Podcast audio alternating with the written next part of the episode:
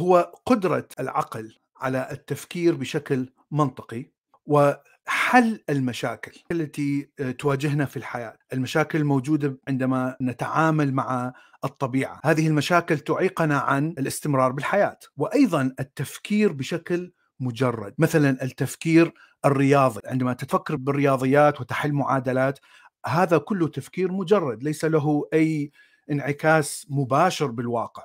فإذا القدرة على التفكير المنطقي القدرة على حل المشاكل القدرة على التفكير بشكل مجرد وفهم أفكار معقدة بشكل سريع. يعني كلما تفهمها بوقت أقصر وبشكل أسرع يعتبر قوة الذكاء عندك أعلى من الآخرين.